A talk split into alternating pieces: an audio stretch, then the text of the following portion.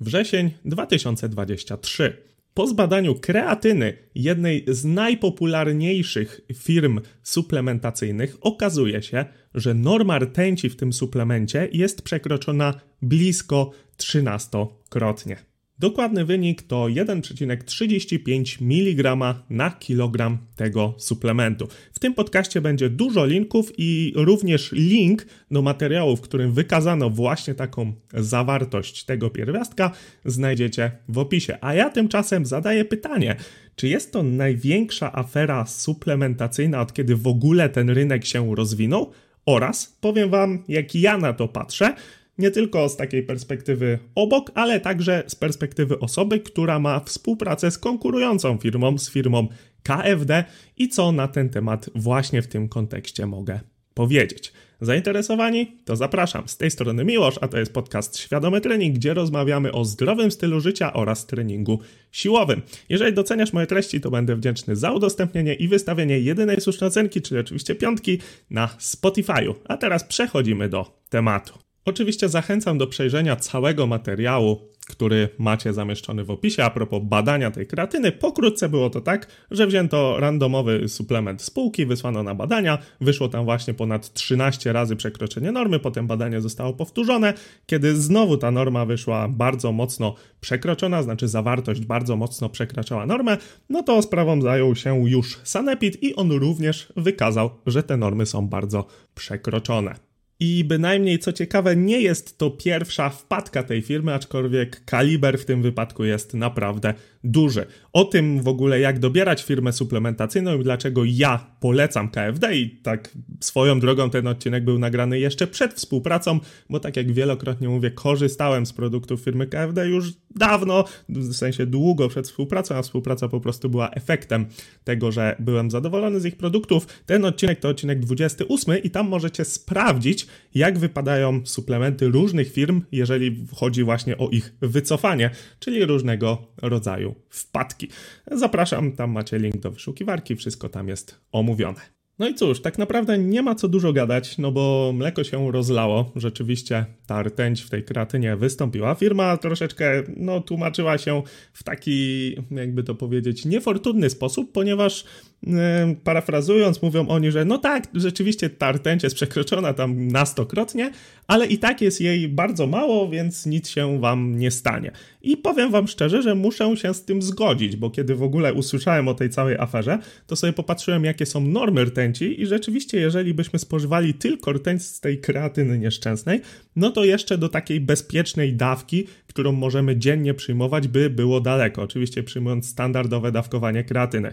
Więc y, poniekąd rozumiem ten logiczny argument, z tym, że pamiętajcie, że nie spożywamy tylko kreatyny w ciągu dnia i tutaj właśnie podkreśliłem słowo wyłącznie, że jeżeli rtęć byśmy spożywali wyłącznie z tej kreatyny, no to być może nie byłoby to szkodliwe, no ale spożywamy różne rzeczy i mm, już pomijając kwestie suplementów, które inne również mogą być zanieczyszczone, no to tutaj trzeba wziąć pod uwagę, że no to tłumaczenie jest takie lekko dziurawe. Niemniej normy rtęci zostawię Wam również w opisie, więc dla zainteresowanych możecie sobie zobaczyć, jak to wypada. Możecie sobie przeliczyć. Także z jednej strony, jeżeli nie bierzecie tony suplementów, nie robicie fazy ładowania kreatyny tam 20-30 gramów, tylko po prostu braliście te kreatyny normalnie tam 3 do 5 dziennie, czy po prostu taka ilość przemnożona przez liczbę dni, czyli chodzi mi o to, że na przykład 6-10 gramów co 2 dni, to też jest spoko, jeżeli zapominamy, nie ma z tym najmniejszego problemu, no to nie powinniście się zbytnio przejmować. Niemniej, jeżeli bierzecie tych suplementów dużo, no to może się okazać, że nie tylko kreatyna była taka trefna, plus jeszcze oczywiście możemy spożywać ten pierwiastek z innego pożywienia, chociażby z ryb, więc y, warto by było tutaj zwrócić na to uwagę, chociaż tak naprawdę nie wiem, co konkretnego mam wam powiedzieć. Też na TikToku dużo czytałem takich no bardzo grubych komentarzy. Z jednej strony się nie dziwię, ale pokroju, że jak zacząłem brać kreatynę, to przestałem się wysypiać, bolały mnie nerki, coś mi się tam jeszcze stało.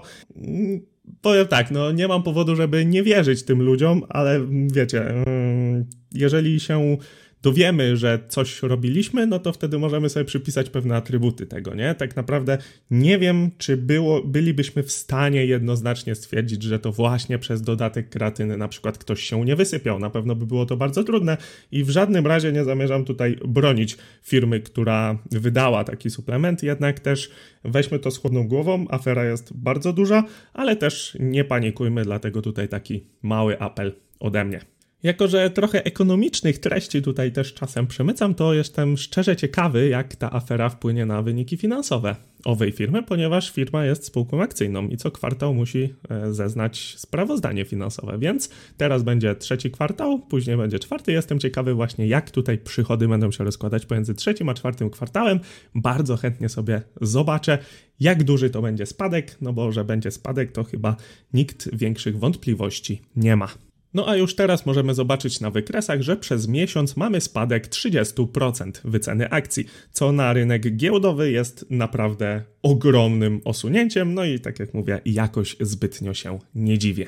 Zanim przejdę jeszcze do firmy KFD i tego, jak się zapatruje chociażby na ich kreatynę, no to chciałbym, żebyśmy wyciągnęli wszyscy z tego lekcję, no bo często my, influencerzy, nazwijmy to, czy osoby promujące zdrowy styl życia, mówimy, żeby tych suplementów jednak nie brać za dużo i naprawdę znaczącą większość substancji, które dostarczamy z suplementami, możemy dostarczyć ze zwykłą dietą. No i tutaj fajnie by było właśnie wynieść wniosek z tej całej afery, żeby rzeczywiście przemyśleć, czy musimy brać pewne suplementy, być może na przykład suplementy zamienić na jakąś inną formę, chociażby leki, nie wiem, jeżeli ktoś nie ma zaufania do swojej firmy suplementacyjnej, no to może zamienić na przykład witaminę D3 z formy suplementu na lek. Oczywiście będzie to trochę drożej, nie będzie jakoś bardzo mocno drożej, ale będzie miał pewność, ponieważ leki muszą być badane i tam jeszcze kilka innych wymogów leki muszą spełniać. Też mam odcinek podcastu na ten temat, a wracając do suplementów, no to tak naprawdę obowiązkowe suplementy to jest bodajże 5 sztuk, które wymieniłem w odcinku 8 i będzie to tak, omega-3, kreatyna, wspomniana witamina D, witamina B12 dla wegan oraz kwas foliowy dla kobiet w wieku rozrodczym. I tutaj oczywiście też z wyłączeniem z różnymi grupami, no bo na przykład kreatynę nie każdy musi brać, ale w kontekście sportowym było to zakwalifikowane do obowiązkowych suplementów. A tak naprawdę wszystkie inne substancje w mniej lub bardziej skomplikowany sposób możemy sobie dostarczyć z diety, także zostawiam Wam ten wniosek do przemyślenia. No a tak, taki drugi wniosek, który też się nasuwa właśnie a propos ilości kreatyny, no to nie ma sensu brać więcej kreatyny niż potrzeba, no bo z jednej strony mamy już dobrze e, badaniami naukowymi udowodnione, że większe dawki kreatyny tak naprawdę nam nic nie dadzą, a jak widać, mogły w tym jednym przypadku, czyli tym nieszczęsnym suplemencie, nawet mocno zaszkodzić. Więc bierzmy tylko tyle, ile musimy.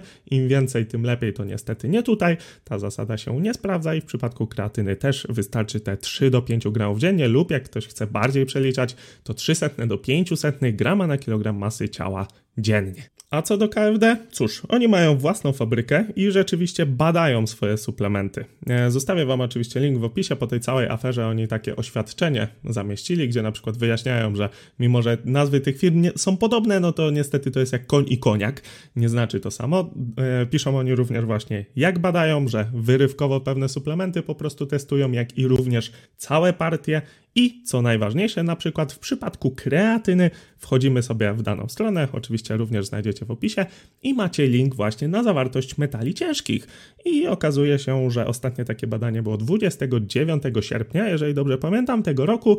No i normy są tam e, zachowane, jest to poniżej tej wartości która jest tam określona. Oczywiście zachęcam do zapoznania się z tym. No i cóż, czy coś się zmieniło, jeżeli chodzi o firmę KFD w stosunku do tego, co było przed tą całą aferą? U mnie nie, ale jak to zwykle podkreślam, pamiętajcie, że to są suplementy i nie podlegają tym samym regułom co mm, leki.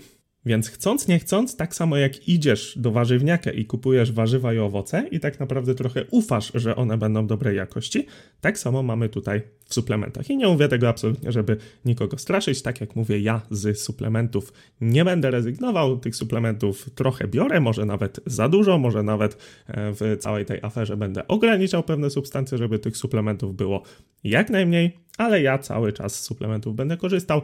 Nie jestem przestraszony, jeżeli mogę tak powiedzieć, tym co się stało. Po prostu chciałem się tutaj z Wami tym wszystkim podzielić i chciałem też również pokazać, że KFD swoje suplementy bada i możecie to znaleźć na ich stronie.